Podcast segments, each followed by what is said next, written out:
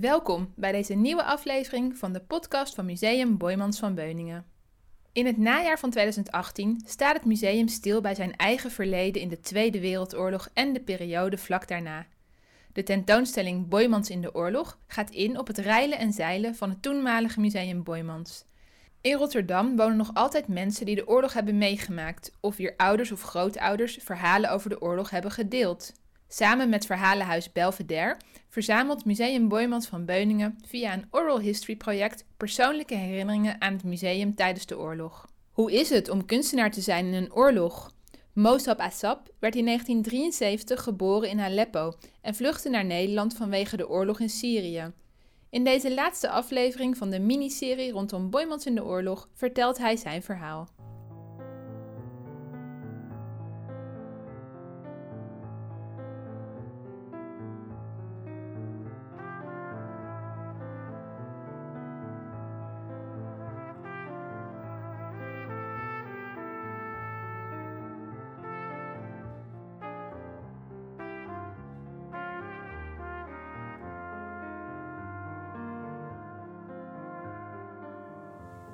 Kijk, voor de oorlog is, is vanaf 2011 tot 2014 heb ik niks gedaan voor de oorlog. Dus je kan niet zien in mijn, in mijn werk op die periode. Maar later wel. Toen, toen kwam ik naar Nederland. Ik zit hier in mijn huis. En ik voel dat hier is veilig. En, daarna, die, jouw herinnering gaat, uh, gaat werken. Weet je wat? Dus ja, dus je kan zien in mijn werk. En ja, je hebt iets voor de oorlog, je hebt iets, maar na de oorlog je hebt iets anders. Je voelt dat. Ik ben uh, Mossab Anzo, ik ben Syrische kunstenaar. Uh, ik ben geboren in Aleppo, 1973. Dus ik ben gegroeid in Aleppo tot, uh, tot zeven of acht jaar en daarna in, in Damascus. Ja, want mijn, mijn, mijn vader heeft werk om, om in Damascus.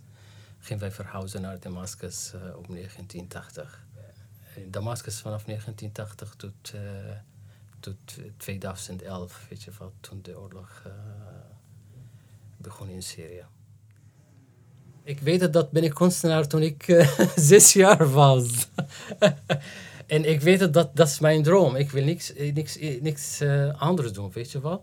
Ik weet dat ik doe zoveel tekenen met de expositie bij mijn school. Ja, ik blijf altijd tekenen. Dan, ja, dus ik weet dat ben ik kunstenaar. Kan niet, kan niet uh, iets anders.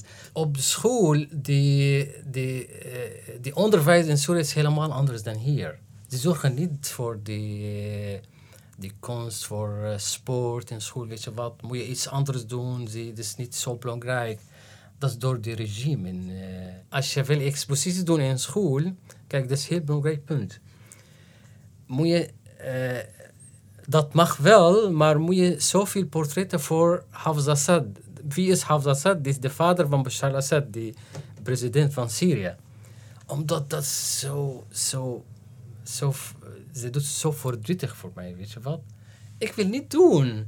Waarom ik moet die meneer uh, portret maken voor hem om expositie te doen? Dus dat was verplicht. Als je wil expositie doen, een kleine expositie in school, moet je portret of twee of drie portretten maken voor, uh, voor de president. Weet je wat? En ja, ik, ik, ik, ik vind dat niet zo leuk. dus wat, wat ik zou zeggen, Syrië was vanaf 1970 was gesloten land. We kunnen niet weten wat is gebeurd in, uh, in Nederland, in Frankrijk, in Amerika. Moeten wij. Nee, dat mag niet. Dus uh, alle kinderen, weet je wat. Uh, ja, iets ochtend, ze moeten zinnen voor, voor de president, voor de. ja, dat is. ik vind dat echt raar, ja. Maar je kan niks, ja, je kan niks doen. Je kan niks zeggen dat iets tegen de president of de vader van president, ik, dat, dat mag niet. Ja, iemand gaat, uh, gaat jou doodmaken. Dus, tot nu. Maar toen ik uh, 17 jaar, 18 jaar, toen, ik, toen ben ik klaar met uh, die basisschool. Dus mijn ouders, ze wilden dat moet ik recht studeren. hij, hou, hij houdt niet van kunst, eerlijk zeg. Hij zei, ja, met kunst, wat, wat ga je doen? Dat is moeilijk. Dat, uh, alle kunstenaars die hadden heel moeilijk uh, leven. Maar ik zei, nee, dat is, dat is, dat is mijn, mijn doel. Hij zei, ja, moet je proberen. En daarna, je gaat uh, zelf beslissen. En heb ik twee jaar, ongeveer twee jaar recht gestudeerd bij de Universiteit van Aleppo. En, en ik zei, nee, ik, ik kan niet verder gaan. Dat is niet mijn, dat is niet mijn leven. Ik moet kunst studeren. En daarna ging ik naar de Universiteit van Damascus. Heb ik twee jaar kunst gestudeerd. En ik vind het ook niet leuk. En daarna ging ik naar de Universiteit van uh, Beirut in Libanon. Heb ik ook vijf jaar gestudeerd. Dat was vanaf 1992 tot 1999. Libanon een beetje vrij dan, dan Syrië, weet je wat. Dus eh, meestal mijn expositie in Libanon, niet in Damascus. Toen ik eh, meer dan 30 jaar, 35 jaar uh, geworden, dat, uh, ja, ik moet nadenken, wat moet ik doen? Dat, ik kan niet ook hier leven. Voor de oorlog heb ik geprobeerd om, om naar Europa te komen, maar dat was moeilijk. Ik kan niet wezen krijgen, weet je wat? Bijvoorbeeld op uh, 2001 had ik een expositie in Nuremberg in Duitsland. En ja, ik kreeg uitnodiging van een gallery in Nuremberg. En ging ik naar de ambassade en ik zei, heb ik een expositie en ik wil graag gewoon uh, visa voor 15 dagen. Ik moet bij mijn opening daar zijn. En na een week zeggen, nee, sorry, mag niet. En heb ik, heb ik mijn schilderij gestuurd naar Nuremberg ik blijf in Damascus. Dus het was moeilijk.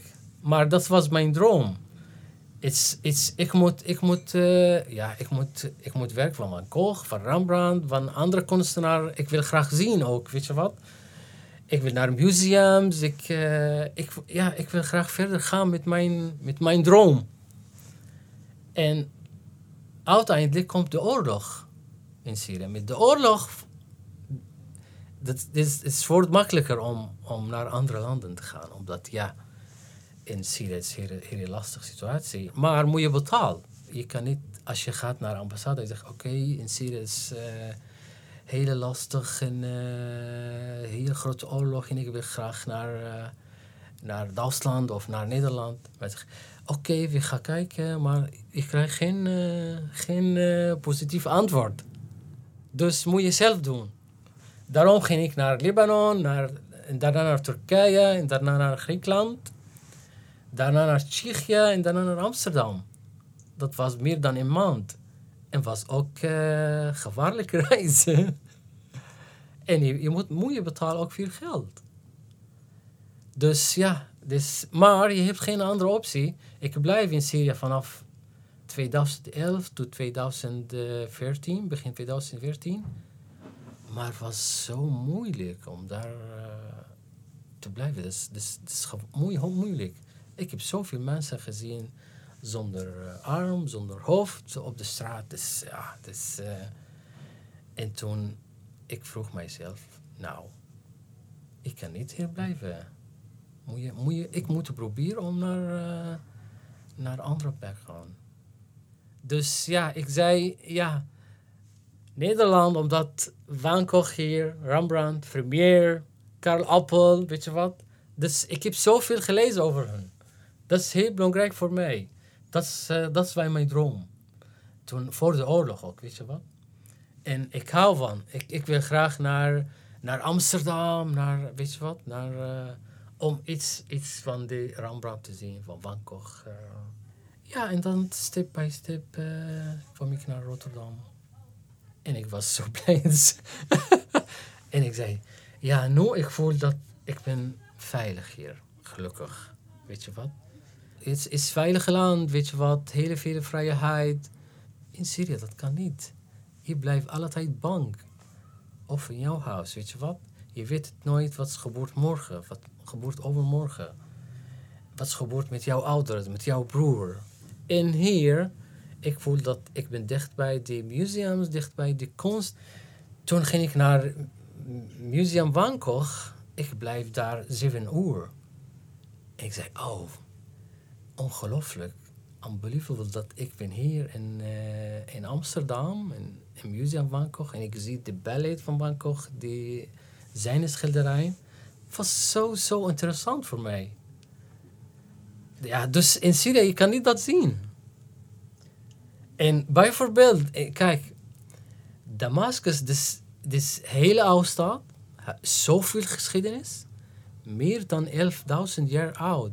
Maar hebben wij alleen een museum. De regime daar, de regering, ze willen niks doen voor de, de kunst, voor muziek, voor, uh, ze willen niks doen. Uh, kijk, voor de oorlog, uh, is voor mij, ik werk altijd met de materiaal, weet je wat, met verschillende materialen, niet met, met de olieverf en acryliek en andere materiaal, maar ik doe meestal abstract. Dit is mijn stijl. Voor de oorlog was een ander verhaal. Na de oorlog, je, je krijgt zoveel nieuwe dingen in jouw hoofd.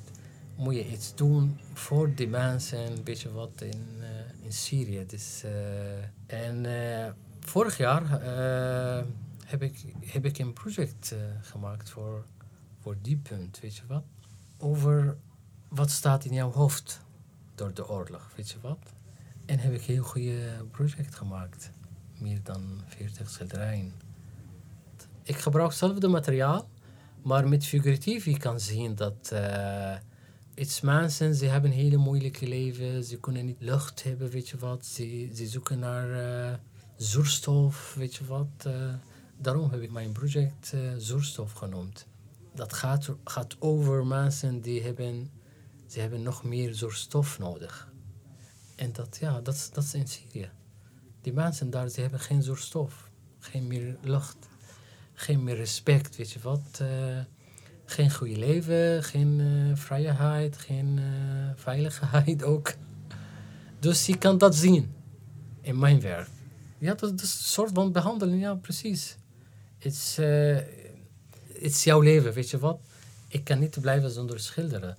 Als ik niet lekker voel, dan ga ik schilderen een soort van medicijn, jawel. 2016, toen kwam ik naar Rotterdam om te wonen. Ik, ik weet het dat er is een groot museum in, in Rotterdam, heet het Boymans. Ik kan bij museums in Amsterdam, weet je wat. Maar ik, ik vroeg uh, mijn vriends dat ik ga naar Rotterdam. Toen ik in AZC was, weet je wat. Heb ik, heb ik gevraagd mijn, mijn docent, Inkborg. Is een hele aardige vrouw ook mijn contactpersoon, weet je wat? En hij zei, als je gaat naar Rotterdam, moet je naar Boymans gaan. Dit is een grote museum. Het is zoveel werk voor Rembrandt, voor andere kunstenaars. Ik zei, oké, zal ik doen, zeker. Dat is heel interessant voor mij. Maar dat is ook was, het is, ongelooflijk, weet je wat, voor het werk, voor, uh, heb ik zoveel, zoveel, zoveel werk voor kunstenaars, voor oud werk, voor middeleeuwen, voor gezien. Het was zo, zo, zo mooi. En ja, dus, en daarna ging ik zoveel keer. En nu ging ik naar Boymans soms twee keer per maand. Weet je wat? Ging ik naar alle expositie, naar uh, altijd, weet je wat? Het is meestal twee keer, drie keer per maand. Uh, heb ik een museumkaart, dan ik kan altijd gaan. En ja, heb ik, heb ik zoveel gelezen over Rotterdam, over de Tweede Oorlog, wat is gebeurd, over over de kunst hier, over... Ik heb zoveel informatie over de, de museums, over Boymans, over de, uh, de kunstenaar die werken hier. Zeker. Het is mijn home nu. Mijn Rotterdam, ik, ik zei altijd tegen die, mijn friends, het is Rotterdam, ik ben Rotterdams. Dit is mijn home. Toen, eh, als, als ga ik naar Duitsland, naar andere stad met mijn vriend bijvoorbeeld. Vorige keer, ik was met mijn vriend in uh, Brugge, in België is een hele mooie stad, weet je wel. Zoveel, uh, zoveel geschiedenis, zoveel museums. En beter, hij zei, is, is een mooie stad, dat toch? Uh, maar hij zei, nee, Rotterdam is mooier. It's my home.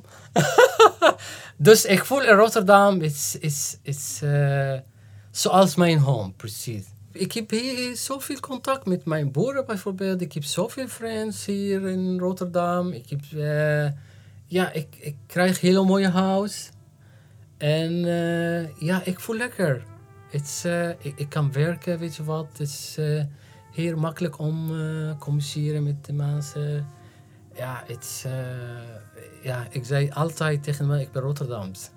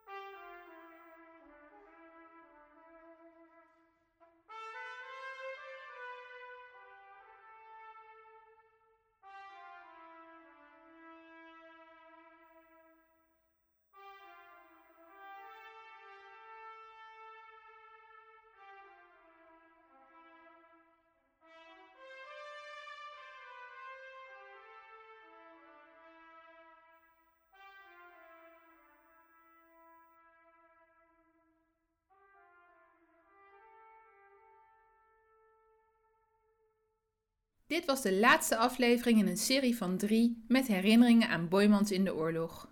Deze en andere persoonlijke herinneringen aan Boymans in de oorlog worden gepresenteerd in de tentoonstelling en op onze website boymans.nl. Het verzamelen van verhalen gaat nog verder. Heeft u een herinnering aan het museum in de oorlog? Kom dan ook vertellen in Museum Boymans van Beuningen op 6 januari 2019 of mail Verhalenhuis Belvedere via info.verhalenhuisbelvedere.nl